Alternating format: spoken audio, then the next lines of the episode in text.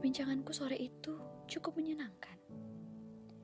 Tapi tak ada cemilan. Ini sedang bulan Ramadan. Lalu mereka pulang. Menyisakan aku bersama jiwa yang sekarat. Yang tumbuh dari kesedihan yang sendirinya aku rawat. Sungguh akan ada suatu hari di mana dia mati. Tidak sabar menguburkan kematian yang begitu menyenangkan.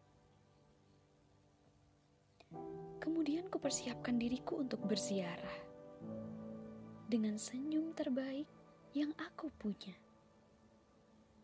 Tentu saja dengan membawa pesan, aku sudah baik-baik saja. Lalu aku kembali hidup dan mengerti bahwa aku takkan mati meskipun dipatahkan berkali-kali.